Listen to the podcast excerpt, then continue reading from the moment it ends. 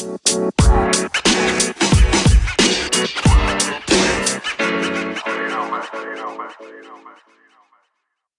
Criminology folks, welcome back to the Journal of Criminology Indonesia podcast. Di sini hari ini ada Momot di sini, di sini kebanyakan di sini. Nah, ada Momot bareng Osin.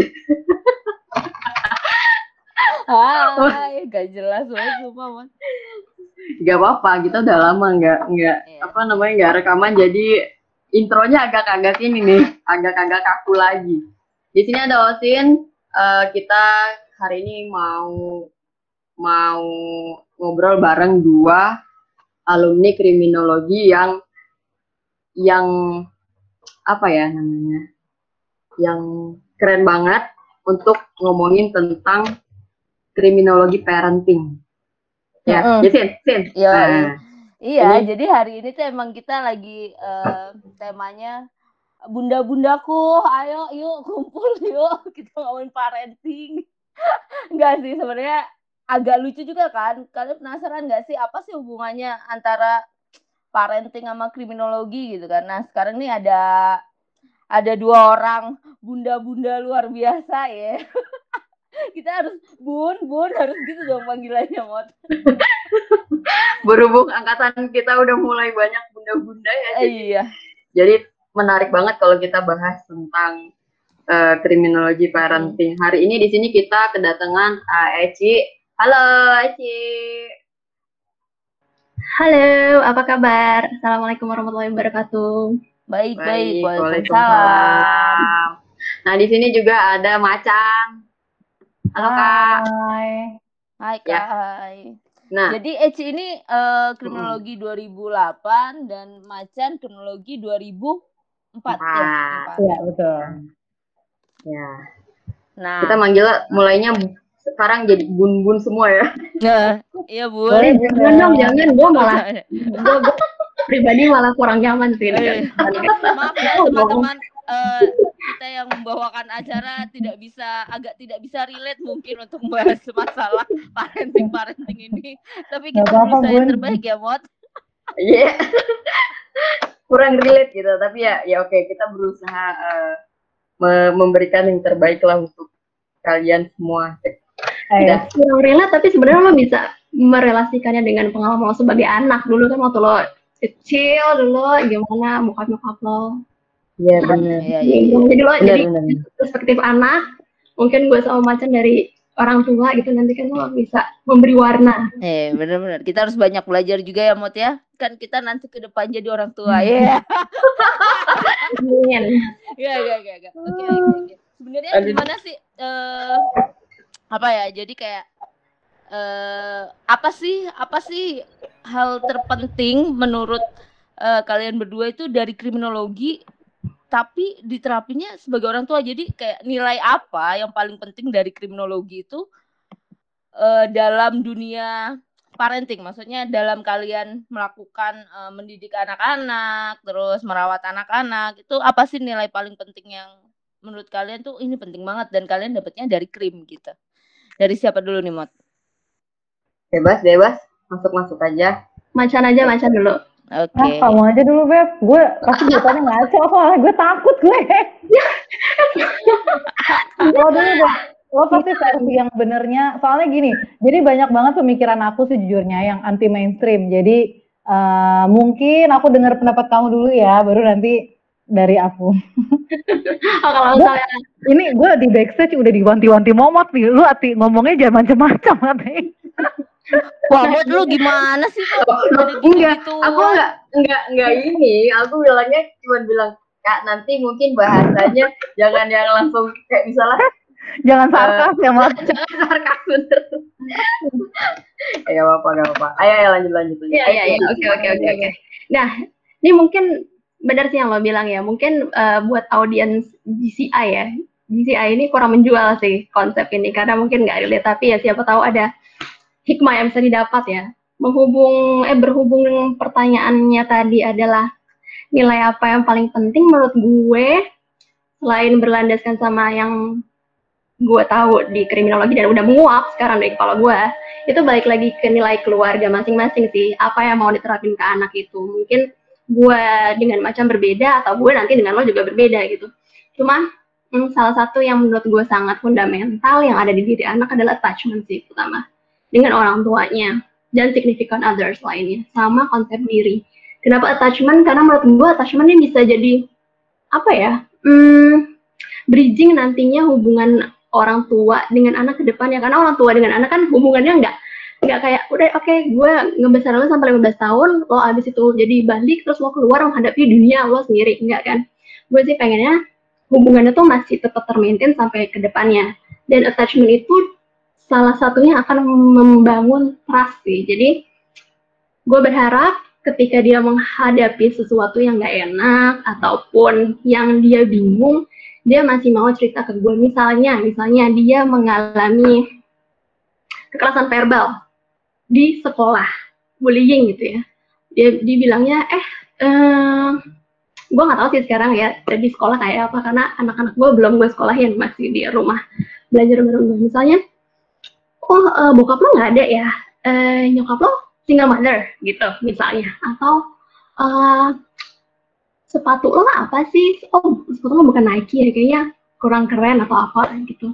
Nah di situ selain dia punya konsep kalau dia punya konsep yang diri yang bagus dia bisa membuat defense dan bisa merespon uh, apa ya hmm, kata-kata yang tidak menyenangkan itu tapi gue pengen dia juga bisa cerita ke gue gitu. Jadi mungkin nanti kalau misalnya relasinya bagus bisa kayak temen mungkin ya untuk cerita dan untuk berpikiran gimana sih nanti. Tapi menurut gue itu trust penting sih. Apa pun yang terjadi dia masih mau cerita ke gue. Dan itu agak susah sih uh, maintainnya. Karena misalnya nih ya anak gue kan udah empat tahun. Nah tuh emosinya udah mulai macam-macam deh. Dan tingkahnya gue macam-macam. Misalnya dia melakukan sesuatu yang dia tahu itu melanggar peraturan gue dengan dia. Misalnya dia punya slot nonton nih misalnya dari zuhur jam 12 sampai jam 1 tapi habis itu karena ada sepupunya dia kelewatan nih. Terus dia akan kayak diem aja terus pernah suatu waktu dia nggak mau ngomong. Nah berarti gue merasa sih di situ gue sudah kehilangan kepercayaan dia karena dia tahu gue akan marah.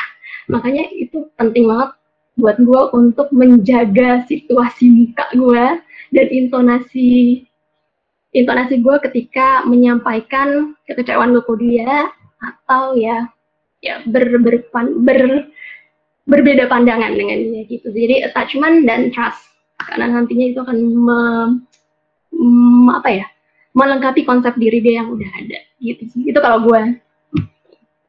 Oke oke oke. Kalau Kamacan gimana kak? Eh kita Sama. ini dulu ya disclaimer dulu ya walaupun walaupun misalnya kita sharing masalah parenting, uh, eh, gue tahu walaupun gue belum ini nih belum belum ibu-ibu dan belum berkeluarga nih masalah kayak gini agak-agak sedikit sensitif ya.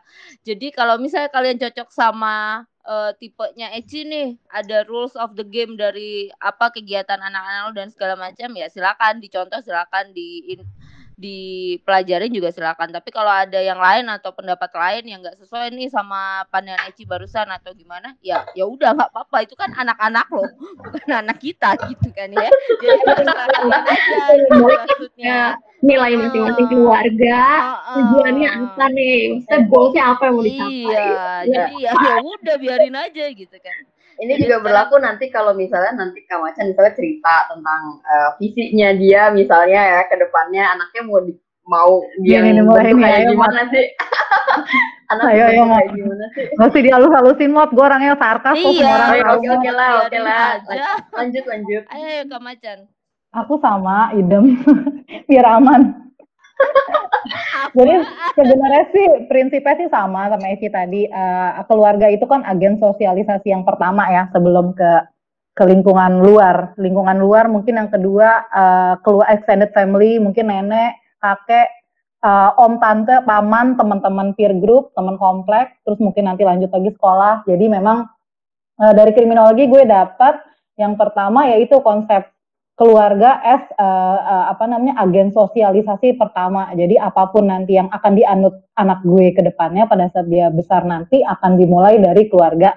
Itu yang pertama. Yang kedua adalah uh, managing resiko sih sebenarnya kayak tadi yang uh, apa Eci bilang kalau bullying gimana. Jadi aku yang aku dapat dari krim itu adalah kita kan mengidentify resiko kan yang terjadi, kerugian yang bisa disebabkan. Nah, karena di kriminologi itu tidak tabu untuk mengetahui kerugian, kelukaan yang terjadi, makanya aku juga uh, aku juga akan eh aku tuh tipikal yang mengasih tahu ke anakku di ugly truth-nya apa. Jadi ketika misalnya terjadi bullying, misalnya nih anak gue yang kecil kan rambutnya keriting gitu kan, di mana di sekolahnya yang rambutnya keriting jarang gitu. Terus dia adalah perkataan temennya, iya kamu kan keriting kayak gitu. Di mana uh, eh, gue jadi lebih pede aja sih buat ngasih tahu it's okay to be different gitu. Jadi kayak terus kalau kamu keriting kenapa? Ada yang lurus, ada yang keriting. Keriting juga cantik kok kayak gitu. Lebih ke uh, apa ya? Jadinya dia juga karena tidak biasa di di dijekokin yang manis-manisnya doang, dia tahu dari both sides sisi manisnya dan sisi tidak manisnya, sisi bitternya jadi anaknya juga oh, hopefully pas sudah lebih besar udah lebih santai juga sih. Gitu sih. Oh sama itu sih Beb, kan kalau kita dulu di semester 1 dapat banyak pengantar ya, pengantar ekonomi, pengantar antropologi dan segala pengantar lainnya kan. Sebenarnya ya kan si teori pengantar itu bridging yang baik juga sih. Kayak misalnya gue yang paling gue pegang banget tuh opportunity cost. Jadi kayak kan ada tuh ketika jadi misalnya nih lo lo ada dua pilihan nih, lo ada les bahasa yang satu les piano lah kalau lo les piano berarti lo nggak bisa les bahasa misalnya atau pilihan ketiganya lo nonton Doraemon di rumah nah misalnya anak gue mau mandi terus uh, dia juga pengen kayak mah nggak mau mandi mau main. Gue akan uh, menerapkan prinsip itu. Ya terserah. Kamu kalau mandinya sekarang dapat nonton nih sampai jam 6 tapi kalau kamu mandinya nanti nontonnya jadi lebih sedikit. Jadi terserah kamu mau pilih yang mana. Jadi banyak banyak teori di uh, pelajaran pengantar itu yang membridging gue untuk mengajarkan logika kali ya. Jadi ke depannya harapannya anak gue bisa tahu kalau dia mengambil keputusan A, resikonya ini, A1, A2, A3. Keputusan B, resikonya B1, B2, B3. Dan gue uh, tipikal yang kalau anak gue ngelawan gue, eh sorry, bukan ngelawan, beda pendapat. Kayak anak gue ngeles aja mulu dari perkataan gue, gue membiarkan. Dengan catatan gue tega dia mendengar resikonya. Misalnya, yang kayak tadi perkara mandi tiba-tiba nih dia malas mandi udah jam 6 aja gitu kan baru mandi ya udah nggak dapet nonton berarti. Dan dia mau nangis ngeraung-ngeraung biar gue kata datengin Pak RW juga gue bodo amat gitu. Tipikal yang begitu aku jadi uh, ya begitulah kira-kira. Oke oke okay, santai mot? Enggak gue gak kasar janji tuh mot. enggak ya gue eh tahu nggak kayak mama tegang banget dari tadi iya. dan gue tahu nih mot nih mereka Gak. berdua nih sebelum acara ini pasti baca baca lagi. Gila pasti pada inget banget. Gue aja kayak ini pada berat berat banget baru mulai udah ngomongin ngomongin ini susah mot susah kamu tadi masuknya langsung berat soalnya tadi aku langsung apa oh, nih bukannya... Aku sih bukan baca lagi ya, tapi lebih ke malah uh, setelah punya anak baru nge-recall gitu loh. Jadi kayak itu tuh memori yang sebenarnya mungkin kesimpan di alam bawah sadar ya, sampai pas ujian gak sadar gitu kan. tapi pas menemukan situasi yang kok kayaknya relate ya, itu muncul sendiri sih kalau aku. Baru abis itu mau cari ya mau cari lagi gitu. Justru applicable-nya sekarang ya, pas udah jadi orang tua ya. Iya sih, karena banyak kebingungan ya dan rata-rata kan teori parenting mainnya di ranah psikologi. Sejujurnya aku sendiri kurang cocok, kurang terlalu cocok ya. Maksudnya banyak poin yang bagus, tapi kadang-kadang at some point saya itu tipikal orang yang menyeimbangkan menyeimbangkan koersif dan persuasif. Jadi kadang-kadang hmm. menurutku psikologi itu terlalu masuk dari persuasif. Nah, kadang-kadang untuk untuk membuat mental anak itu kuat, untuk tough, itu perlu koersif juga tetap. Tapi ya mungkin kadarnya setiap orang pasti kan beda-beda setiap orang tua. Mungkin kalau aku 50-50, kalau yang lain 70-30 kayak gitu. Jadi sisi koersifnya mungkin aku sedikit banyak ngambil dari kriminologi dan teori pendamping kriminologinya. Ya, yang menarik itu sih ketika menjadi orang tua kita berusaha melihat sesuatu dari perspektif yang holistik gitu, nggak bisa kayak berpijak di satu ranah rumpun ilmu, tapi sebenarnya ada hal lain yang bisa kita ambil dari rumpun ilmu lain, kayak misalnya psikologi dengan uh, kriminologi atau dengan sosiologi juga. Iya, Tapi iya. tadi menarik sih ber, ber, berbicara tentang konsekuensi di rumah juga. Aku menerapkan itu dari ya dari kecil mengenalkan dia bahwa memang kamu selalu punya pilihan di dunia ini dan setiap pilihan ada konsekuensinya dan yaitu uh, kamu berani mengambil ke, keputusan pilihan ya juga kamu harus berani mengambil konsekuensi. Tapi ya itu tadi sih memang nggak semuanya bisa menerapkan metode-metode seperti itu. maksudnya ya kita sama saudara kita aja kan mungkinnya beda ya. Gitu. Tapi tapi aku penasaran deh. Ini kan eh apa namanya deh? Cukup cukup tadi udah disebut juga sama Kamacan misalnya gue tuh soalnya gue tahu di luaran tuh kayak gimana atau segala macam sebenarnya ben- dengan persiapan yang segitu ibaratnya segitu niatnya ya belajar banyak terus juga eh, trial and error dan lain-lain itu sebenarnya risiko-risiko apa sih yang yang selain bullying tadi yang yang yang dianggap perlu diantisipasi untuk untuk anak-anaknya Kak Macan sama Eci ke depannya ya. Ini ini eh, FYI eh, FYI ini Eci sama Kak Macan tuh dua-duanya anaknya sama-sama dua tapi Kak Macan perempuan eh laki-laki dan perempuan Eci dua-duanya perempuan Eci ya. Iya gak sih? Iya benar. Anak gue perempuan. Iya, gue kira gue hilang.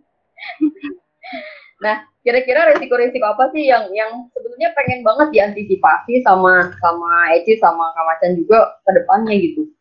Dengan begitu banyak persiapan yang yang dilakukan dari sekarang gitu. Selain bullying tadi mungkin udah sebut bullying gitu. Ada ada apa sih kira-kira yang ditakutin ke depannya? Kita masalah apa sih yang kira-kira jadi concern gitu. Lanjut boleh dua-duanya aja langsung jawab atau salah satunya bebas. Atau Ibu Risa Sinta mau jawab? Belum, Bu, belum. Bingung kita. Saya tuh takut punya anak aja saya takut, Bu. Apalagi mem- memikirkan ancaman-ancaman dan resiko buat anak. Ya nggak mau. Kalau dari aku yang dipersiapkan intinya eh, kenakalan itu kan pasti selalu berkembang sesuai dengan eh, kondisi zamannya. Kalau sekarang mungkin gue ngelihat trennya itu lebih ke tren digitalnya yang berkembang ya. Secara gue juga kerjanya di eh, apa? Aku punya digital agency, so gue mungkin sedikit banyak tahu seluk beluk tentang eh, digital. Dan sekarang kan anak kan eh, school from home ya, di mana nggak tatap muka, interaksi apa antar manusia tuh jadi less banget dibanding, maksudnya jadi sangat jauh berkurang dibanding kita zaman dulu, di mana yang sekarang jalan itu ya digitalnya, antara Zoom atau sosial media, atau sekarang orang lu nggak usah, gue nggak usah WhatsApp momot tuh lagi ngapain, gue lihat aja instastorynya gue pantengin, ibaratnya gitu kan. Jadi Uh, jadi mengingat digital ini dunia digital ini sangat berkembang pesat, yang gue antisipasi adalah kenakalan-kenakalan atau mental apa ya ketahanan mental yang terkait dengan apa pun yang terjadi di dunia digital ini sih. Di apa sih namanya perkembangan digital ya? Apalah itu? Iya gitu. Jadi kayak mungkin kalau dulu bullying, ya elah kita anak krim kayak nggak pernah dibully. Makanya kenceng tuh. Cuma mungkin zaman kita dulu tidak ada sosial media kali ya. Jadi kayak lebih santai aja. Entah kenapa gue tuh eh angkatan kalian yang ke puncak nggak btw?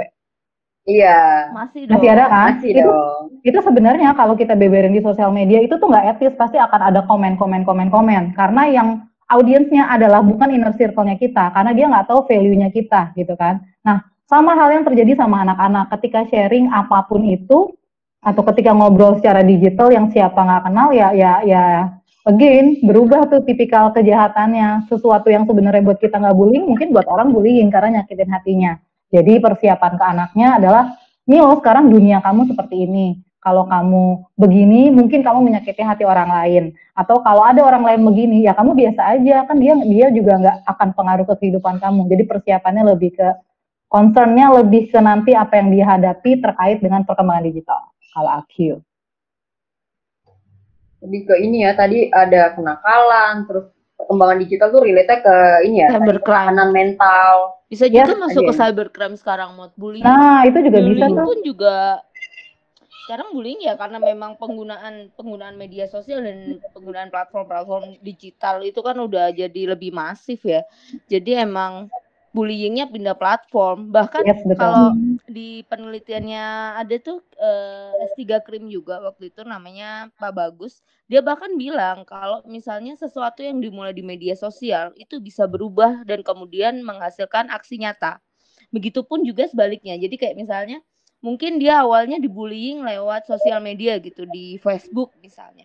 Tapi ternyata bullying itu tidak hanya berhenti di Facebook, tapi juga bisa akhirnya eh, di kehidupan nyata pun terjadi gitu misalnya uh, teman-teman sekelasnya atau segala macam begitu juga sebaliknya sekarang ketika dia dibully di kelas gitu kan alo ini nih ternyata apa uh, misalnya dia ngelaporin ke guru apa ah, lu ini pengkhianat lah apalah apalah gitu kan saya lo lu marah ini sinetron banget deh pengkhianat. Tukang lapor tukang lapor. Gak ada kayak anak zaman sekarang. Kamu gak pengkhianat. Gak ada ya? bun. Yang ini loh yang apa ngelapor ngelaporin ke guru suka gitu ngadu loh. suka ngadu ke guru. Nah, tukang suka ngadu ke guru. Dia kan dia kan uh, itu berawal dari aksi nyata gitu kan ya. Tapi nanti di sosial media mereka pun juga akan menyerang dia gitu.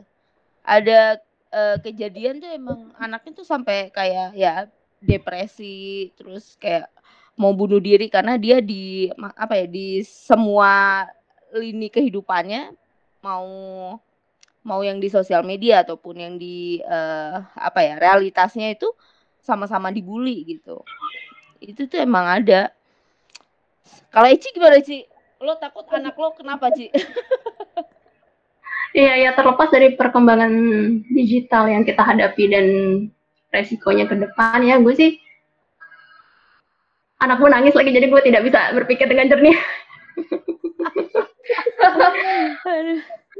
atau mau mau di ini dulu apa namanya mau coba gue lihat ya dia either, either jatuh atau dia membentur suatu sebentar ya oke okay. oke okay, oke okay. santai santai nah kita mungkin bisa lanjut dulu kali ya ke yang tadi diceritain sama uh, Ocin gimana sekarang tuh perkembangan dunia digital juga uh, bisa bisa pindah gitu ke eksistensi dunia nyata ya jadi dia hajarnya tuh bukan cuma di dunia digital bisa pindah ke, ke dunia nyata gitu. Apa sih? Mereka nyebutnya apa sih? Biasanya kita nyebutnya sih? Realitas saya. RL RL RL nah gitu. Nah mungkin juga tadi tadi aku tertarik sih sama yang uh, Kamacan bilang gimana sih caranya ngebentuk anak untuk punya me mental yang tough gitu ini kalau di Siko nih sebutnya mental toughness. Asik. Alumni Siko, dia lupa ini darahnya. Eh, tapi beneran, eh, ketahanan mental tuh sebenarnya jadi jadi sesuatu yang penting gitu untuk untuk semua orang untuk bisa go through menghadapi dunia yang serba nggak pasti. Lo di di rumah dipersiapkan segimana caranya pun kalau lo nggak ada stable sama dunia luar yang lo nggak bisa kontrol gitu Nah ini ini juga jadi masalah gitu. Eh nah. sebenarnya anaknya Kak Macan umur berapa kak? Yang gede enam tahun, yang kecil tiga setengah tahun. Kita balik lagi ke masalah si perkembangan digital itu ya, yang sosial media itu kan yang gedean kayaknya udah udah udah kenal tuh kayaknya udah kenal belum sih ada ada namanya Facebook, ada Twitter atau Instagram gitu dia Instagram sih. TikTok, TikTok kan anak-anak kecil sekarang tuh TikTokan banget tuh kan. Iya, itu iya. dia iya. kenal nggak tuh dengan kayak gitu? Kalau kenal sih kenal, tapi dari HP mamanya, dari akunnya juga akun mamanya. Jadi kalau kalau TikTok gue, gue lebih nyaman anak perempuan gue yang lihat TikTok sebenarnya sih daripada laki-laki. Karena di laki-laki, eh sama karena gini, di TikTok itu uh, banyak uh, bilangnya apa ya bahasanya ya? Mungkin mungkin um, perempuan dan laki-laki nilainya nggak kayak kita dulu sesuai harapan gender. Ini bahasa halusnya ya. Hmm. Nah, buatku sebenarnya nggak apa-apa anakku ngeliat itu, tapi aku merasa enam tahun itu belum siap secara mental untuk melihat ada yang seperti ini, ada yang seperti ini kayak gitu. Jadi hmm. aku kalau TikTok anakku yang cowok sejujurnya nggak boleh lihat sama sekali gitu. Hmm. entah entah gimana caranya bukan kayak dia lagi ngeliat eh nggak boleh nggak gitu. Kayak kayak aku pelan pelan aja. Aku sebisa mungkin tidak menjerit atau tidak melarang keras. Tapi kalau dia lagi lihat eh kamu nonton apa tuh? gitu. Coba lihat dong mama mau pakai WhatsAppnya gitu. Padahal sebenarnya aku mau melarang dia ngelihat TikTok. Jadi tidak menimbulkan pertanyaan di benak dia tuh yang kayak di kenapa gue nggak boleh lihat TikTok? gitu. Lebih ke gitu sih. Sama memang kalau anak screen time mau nggak mau lo harus ada di sebelahnya itu di gue wajib banget. Itu fardu ain dari gue. Nggak nggak akan gue izinin dia pegang gadget kalau nggak ada gue di sebelahnya. Gitu. Nah kalau nah. kalau Eci gimana Ci? Anak anak lo yang paling gede umur berapa Ci? Empat tahun. Nih dia ada di samping gue. Bener kan dia habis kebentur tembok? Halo. Dia, dia mainan gadget nggak dia? Uh, main gadget, um, gue nggak tahu tadi uh, macan. Ceritanya bagaimana, cuma memang uh, sedikit banyak gue dengar terakhir-akhir, gue agak mirip sih sama uh, macan. Jadi aturan gadget itu menurut gue, menurut gue pribadi gue agak strict sih, karena itu tadi gue tidak membiarkan anak itu benar-benar megang sendiri dan kayak apa ya, uh, kontrolnya tuh di dia. Dia harus tahu bahwa kontrol itu di gue. Kenapa? Karena dia belum siap gitu. Biasanya gue jelasin awal tuh gue jelasin dulu dia baru mengenal gadget dan screen time lain-lainnya waktu usia 2 tahun. Agak berbeda dengan adiknya. Adiknya start early karena ya ada kakaknya. Mau nggak mau kan. Jadi uh, nah wah itu sebelum dikenalin gue bilang dulu ini ini gadget ini ini handphone uh, fungsi utamanya buat apa? Buat nelpon buat komunikasi. Tapi ini bisa juga buat belajar. Jadi kalau misalnya lo butuh sesuatu nih kita mulai di planet um, Mars ada apa ya? Kita bisa gunain ini. Jadi alat belajar dan alat komunikasi. Nah, Sun dia udah, eh setelah dia udah um, paham dengan konsep itu, baru gue uh, kenalin ke video-video yang kayak apa ya, kayak Lisa Rara. Gue agak selektif juga nih ngasih-ngasih lihat dia uh, tontonan-tontonan, tapi itu gue harus di situ. Dan bener-bener gue cek sekalipun iklan gue kesel banget sih sebenarnya sorry ya gue harus sebut merek. Gue sangat tidak nyaman melihat iklan dari Shopee. Yang di mana Shopee juga uh, itu balik lagi ke value keluarga tapi gue nggak suka ngeliat itu. Jadi itu gue skip atau gue jelasin bahwa ini tidak bermanfaat. Jadi gue jelasin juga tuh konsep apa yang bermanfaat apa yang tidak bermanfaat. Nanti kan dia pernah kayak gini. Dia lagi ngomong uh, lagi sama eyangnya terus eyangnya mau menyetel sesuatu yang dia rasa tidak bermanfaat. Terus dia bilang ini kayaknya ber nggak bermanfaat ya buatku. Boleh nggak aku matiin aja? Kenapa nggak bermanfaat? Karena aku nggak nggak dapet nggak dapet ilmu baru dari situ. Aku udah tahu itu ada gitu. Jadi oh, yaudah. dari situ gue udah oh, oke okay, oke. Okay. dia udah tahu itu masalah gadget sih cuma kalau yang tadi tuh hmm, apa sih? Perkara perkara sosmed sebenarnya Ci. Anak lo kenal nggak sama uh, sama sosmed itu loh? Ada misalnya Instagram atau TikTok hmm. karena anak-anak kecil kan lebih TikTok kan tadi. Makanya yeah. akhirnya ke TikTok. Anak lo yang paling gede hmm, dia masih empat tahun. Tahu gak? jadi kayaknya masih hmm, dia tahu ibunya lagi kerja pakai pegang handphone. Misalnya gue kasih tahu ini Instagram tapi dia tidak punya akun sendiri dan tidak punya uh, tidak tidak berkeinginan untuk tampil sih. Jadi makanya gue memang gue pribadi gue selektif banget untuk mempublish uh, foto anak. Karena gue ngajarin dia tentang privacy. Tentang privacy diri dia dan privacy diri gue juga gitu dan orang lain. Jadi dia bisa menghormati ya sebentar ya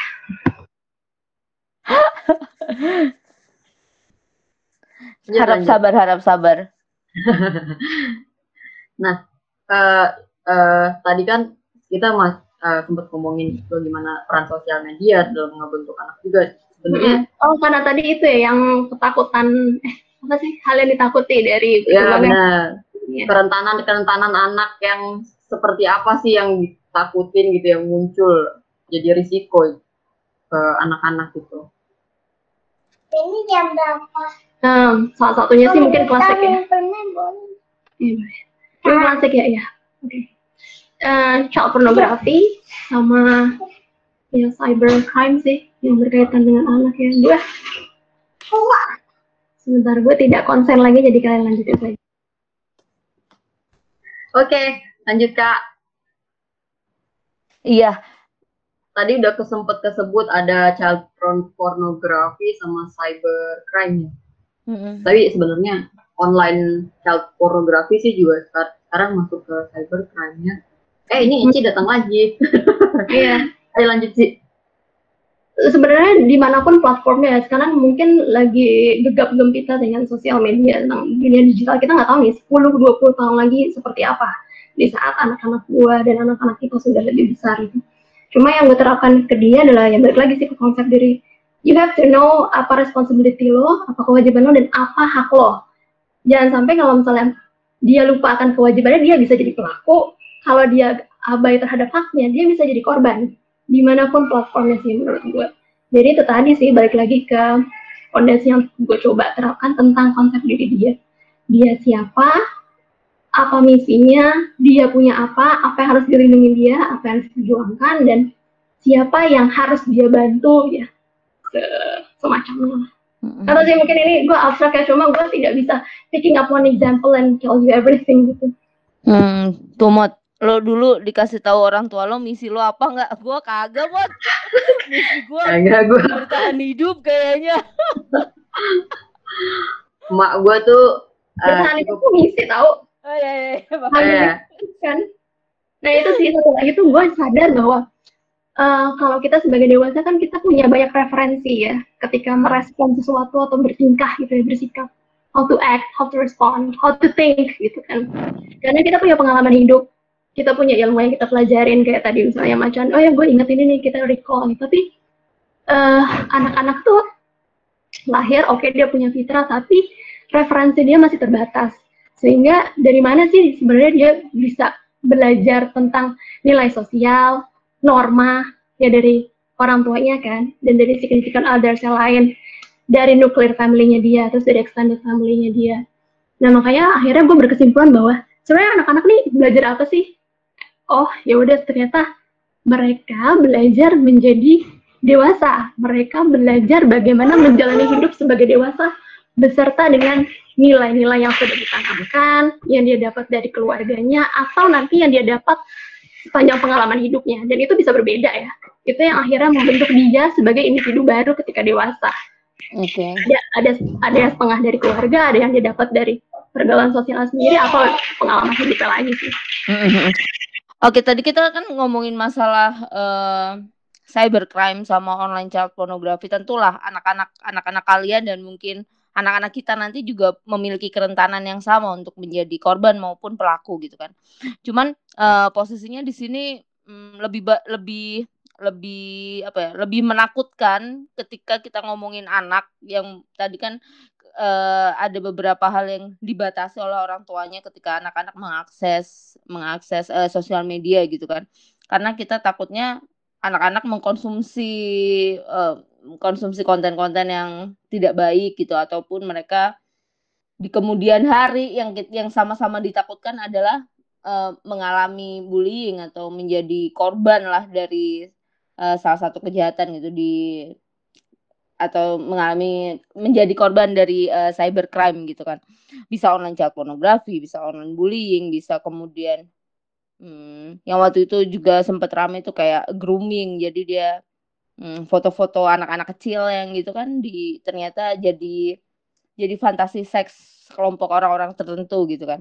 Nah, itu menurut kalian berdua eh, apa sih atau bagaimana sih kalian melakukan uh, prevention ya maksudnya pencegahan mulai dari memberikan pemahaman atau kan kita nggak mungkin tuh nggak nggak mungkin sampai sampai kapan sih kita bisa meng apa ya membatasi mereka untuk pegang gadget gitu paling nggak SD pun nanti kan mereka kalau seandainya kita masih dalam situasi pandemi ini paling nggak kan mereka udah harus pegang sendiri gitu kan dalam konteks sekolah. Dan banyak juga yang mereka main atau apa alasannya ngerjain tugas sekolah gitu kan. Nah itu e, gimana sih? Apa apa apa yang kalian yang kalian lakukan gitu untuk untuk menghindari hal-hal itu? Kak macan dulu deh kayaknya. Uh, Mungkin karena anak gue yang gede udah enam tahun kali ya, aku pakai stage usianya dia kali ya untuk prevention. Jadi waktu kemarin itu juga ada cerita dari anaknya teman saya usianya 8 atau 11 tahun deh, pokoknya udah agak besar. Tidak sengaja dia melihat uh, adegan pornografi di sebuah situs gitu. Nah, akhirnya kita itu itu itu saya dapat ceritanya waktu itu talk show sama Hmm, psikolog dari apa sih Tabu, aku lupa Instagramnya apa, tapi mereka memang memang uh, uh, bukan uh, asosiasi, I don't know, pokoknya mereka penggiat seksual apalah gender apa juga. Nah jawabannya sih bagus sih karena mereka bilang kalau anak terlanjur terpapar dengan pornografi, itu caranya adalah berarti kita sebagai orang tua memberikan pemahaman tentang realitas. Yang mana itu itu sebenarnya yang dia lihat ya memang terjadi adanya, tapi bukan realitas yang normal. Dalam arti gini, misalnya kita ngomongin pornografi. Pornografi itu kan segala sesuatunya udah disetting kan, kelihatannya indah, kelihatannya sensasional gitu. Di mana sebenarnya yang ditakutkan adalah yang tadi uh, Oci bilang bahwa yang di cyber-cyber terjadi itu takutnya ke aplikasi di dalam uh, kehidupan sehari-hari karena mereka jadi udah nggak tahu batasnya. Jadi ketika anakku terpapar, ya PR-nya saya adalah saya memberitahu itu bukan realitas yang seperti itu. ketika kamu menonton ya sudah udah terjadi juga kan, udah nonton juga memang ada hal seperti ini. Tapi perlu diingat ini bukan realitas yang sebetulnya wajar terjadi di kehidupannya. Mungkin kayak gitu. Terus dari pertanyaannya juga uh, tentang sosial media ya. Nah ini mungkin setiap ibu punya rulesnya sendiri. Kalau saya sendiri sih kebenaran anakku dua-duanya adalah child model, kids model kali ya. Jadi anakku dua-duanya memang udah sering banget difoto dan di sosial media saya banyak. Tapi aku juga ada beberapa rules dalam uh, posting di sosial media. Yang pertama, aku tidak pernah posting real time. Itu yang yang jarang banget ibu-ibu yang suka posting. Kalau ibunya memilih tidak posting itu nggak apa-apa case close. Tapi kalau ketika kita memilih, oke okay, kita nggak apa-apa deh posting anak. Nah sebenarnya ada beberapa rules yang harus diperhatiin. Yang pertama kayak tadi, kalau saya benar-benar tidak mau posting real time, apalagi sesuatu kegiatan yang anak gue rutin, misalnya sekolah di mana, les di mana, Uh, dan yang kedua adalah ngetek ngetek sekolah. Itu saya nggak ngerti gimana ceritanya ya. Bahkan teman-teman deket saya juga masih banyak yang melakukan. Kalau deket banget sejujurnya saya akan message DM ibaratnya bodoh amat deh lu marah sama gue atau lo ngerasa gue nyampurin urusan lo. Tapi gue sayang sama lu nih gue ngasih tahu perkara dia abis itu mau tetap ngetek atau enggak ya terserah dia gitu kan tapi kalau nggak deket-deket amat sejujurnya saya ya biarin aja Uh, abis itu apa ya untuk yang itu sih udah sih gitu aja sih ngetek. Oh sama ini, hmm, saya tidak pernah posting anak telanjang dada. Nah itu juga aku nggak ngerti ya ibu-ibu tuh kenapa ya penyakitnya apalagi kalau nggak posting bayi seneng banget lagi sunbathing gitu nggak pakai baju diposting. Sejujurnya gue nggak pernah loh begitu loh. Anak gue kalau lihat Instagram gue itu banyak banget foto dia lagi modeling tapi bajunya lengkap. So sorry bajunya lengkap dan nggak pernah real time. Ibarat nih dia foto sama brand A, Aku postingnya tuh bisa tiga bulan kemudian. Saya posting sekolah anak saya itu pas aku udah keluar dari sekolah yang lama, baru aku berani share. Dan itu juga kayaknya gue nggak tag sekolahnya deh ya, karena di di di di foto itu banyak foto teman-temannya, makanya that's why aku nggak tag. Itu kayak foto pas dia lagi perpisahan gitu deh. Nah, uh, ngeposting anak atau tidak posting anak sejujurnya itu pilihan sama ibu. Tapi ketika kita memilih untuk memposting anak, tentunya memang itu dia harus Google banyak. Google banyak kok sekarang Google udah tahu semuanya kayak ketik aja keywordnya asal-asalan cara cara bijak untuk posting anak. Udah tuh langsung keluar 1 sampai 1000 tipsnya apa aja. Jadi selama saya uh, merasa aku ada di koridor aman versinya aku nyamannya aku aku ya nggak apa-apa gitu asalkan yang tadi itu deh pokoknya ngetek-ngetek tempat real time sekolah anak telanjang dada eh, jangan jangan bunda jangan Gitu. Jangan ya bun, ingat bun, jangan. Jangan bun, Jadi bun. Soalnya kalau resiko anak jadi korban sih menurut saya kadang-kadang kita udah ngejaga kayak apa, tapi kan kita nggak tahu nih kenapa faktor lah, faktor sosial. Karena ada aja yang anaknya udah dijaga banget, tapi tuh tahu-tahu anaknya dicuri juga fotonya sama yang sindikat seperti itu atau apa pun itu ya. Gitu. Jadi buat saya sosial media nih ya emang udah nggak ada pilihan aja, kita harus siap-siap dengan segala resikonya aja gitu. Hmm, iya iya iya. iya gitu. Itu itu tips yang tips yang bagus ya kalau misalnya uh, ada teman-teman yang udah punya anak dan tetap memilih mau posting foto atau story atau apa ya berarti emang ada rulesnya gitu. Tadi, eh, ini nggak boleh ngomong kasar ya podcastnya ya? Kenapa emang? Gak apa-apa. Kenapa? Gue tuh ya pengen banget. apa gitu. Bener banget loh. Aku aku mungkin saya nggak tahu ya karena gue kuliah kriminologi makanya gue bisa identify resiko atau harusnya orang nggak kuliah kriminologi juga harusnya udah tahu. Mungkin gue nggak tahu tuh di antara yang mana. Karena gue dalam hati tuh suka gue ini orang goblok banget sih posting kayak begini kagak takut apa lo gitu. Ya itu nggak apa-apa itu itu. Oh itu nggak apa-apa. Nggak apa-apa nggak apa-apa. Bisa ditolerir. Dan mereka tuh merusak citra ibu-ibu yang berani posting anak kayak aku gitu. Jadi hmm. kesannya kita posting tuh kayaknya careless gitu. Kayak main posting-posting aja. Padahal nggak semua ibu careless juga begitu gitu Iya, lakukanlah dengan bijak ya dan berkewajiban. Kalau aku sih sebenarnya udah deadlock tuh udah disebut. Ya udah nggak usah post, udah selesai case close kan. Yeah.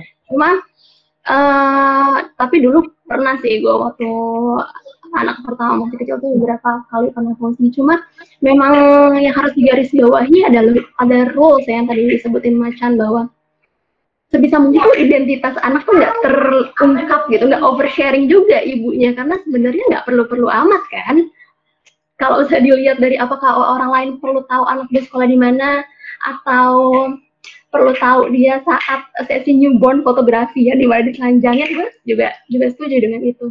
Dan masalah sekolah itu kan sebenarnya nggak hanya sekolahnya tapi di situ ada teman-temannya yang sebenarnya anak kita tuh bisa banget di trace back dari teman-teman. Oh kayak misalnya stalking orang gitu kan tuh sangat mudah dilakukan di dunia media sosial yang yang borderless gitu nggak ada nggak ada batas. Jadi tinggal oh klik satu ini nanti oh ini klik klik klik, klik. jadi itu gampang banget. Jadi memang salah satu cara yang bisa dilakukan adalah melakukan dengan bijak dan proteksi sih sebenarnya.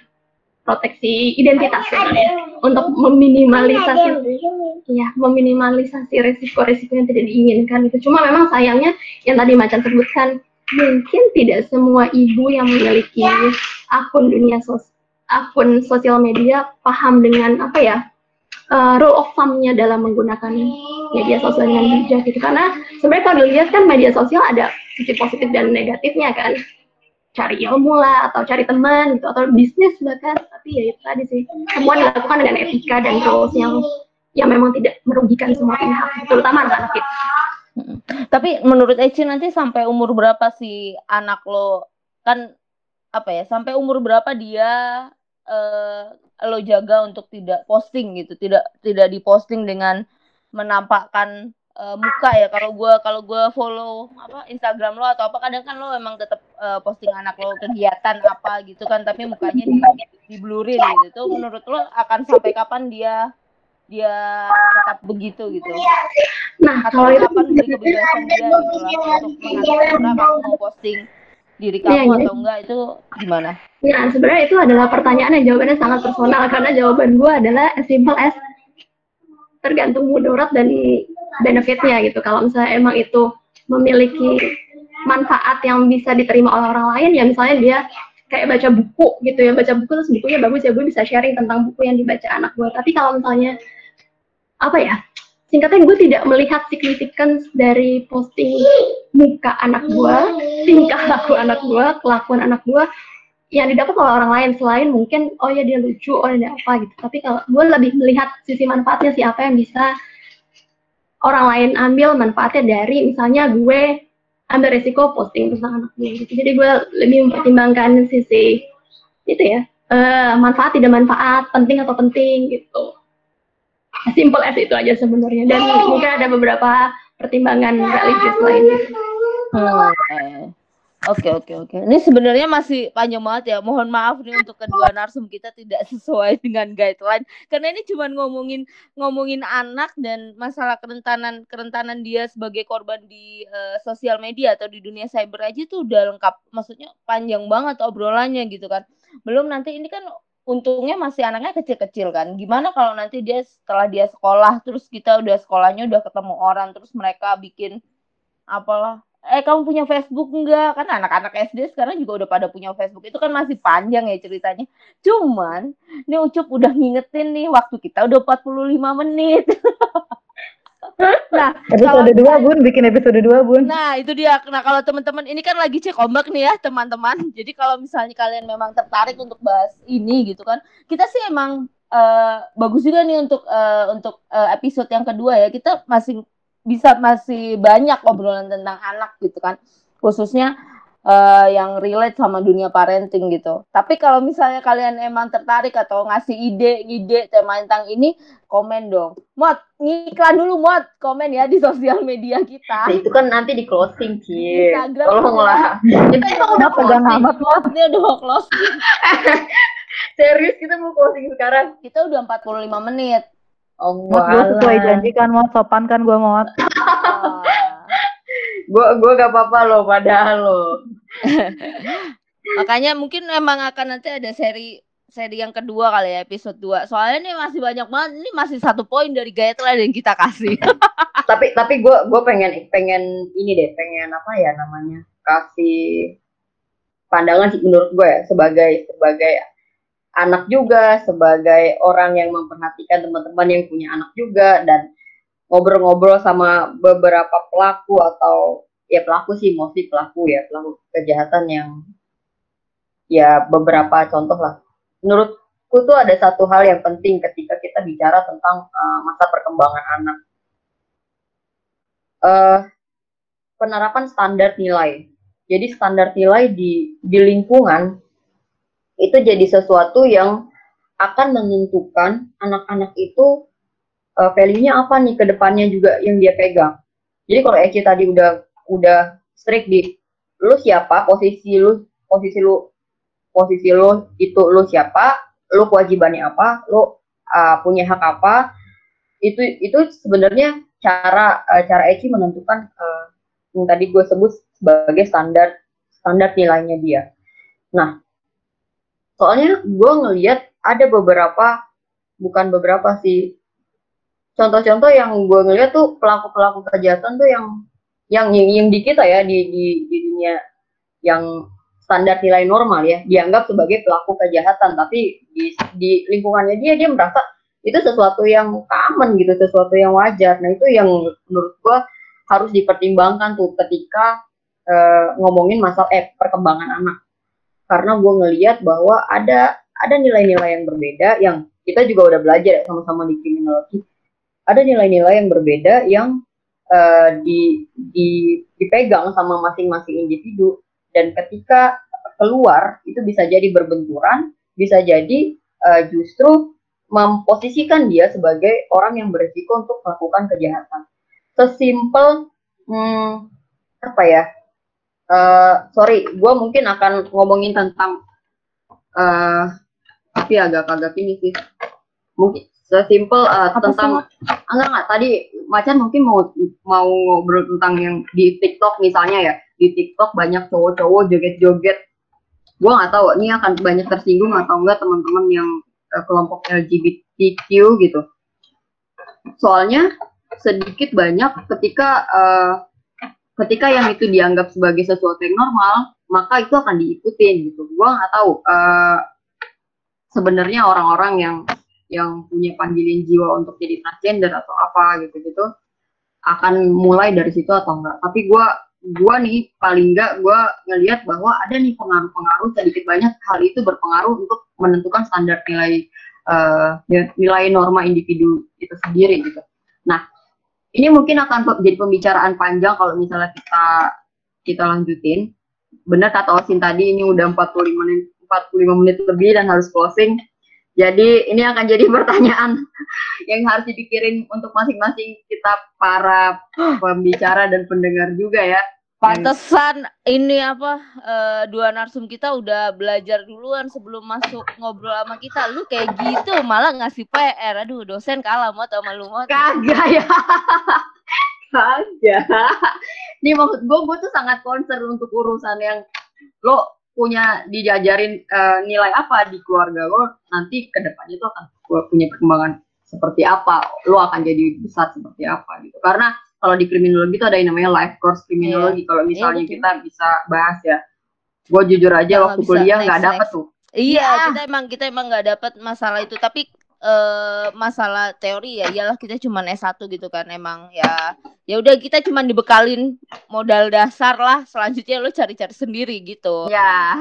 Ya udah nggak apa-apa gitu. Cuman ini menarik banget ya kita kita nggak nggak ini kan ada ada sama-sama alumni krim tapi punya cara yang beda kan dalam uh, mendidik anak dan merawat anak ataupun menanamkan nilai-nilai ke anak gitu. Tapi sebenarnya mereka itu benang merahnya sama mereka punya mereka sadar bahwa satu mereka adalah agen sosialisasi utama dan pertama buat anak-anaknya. Terus yang kedua mereka tahu bahwa di luar itu banyak sekali uh, resiko-risiko dan ancaman-ancaman yang mengancam anak-anak.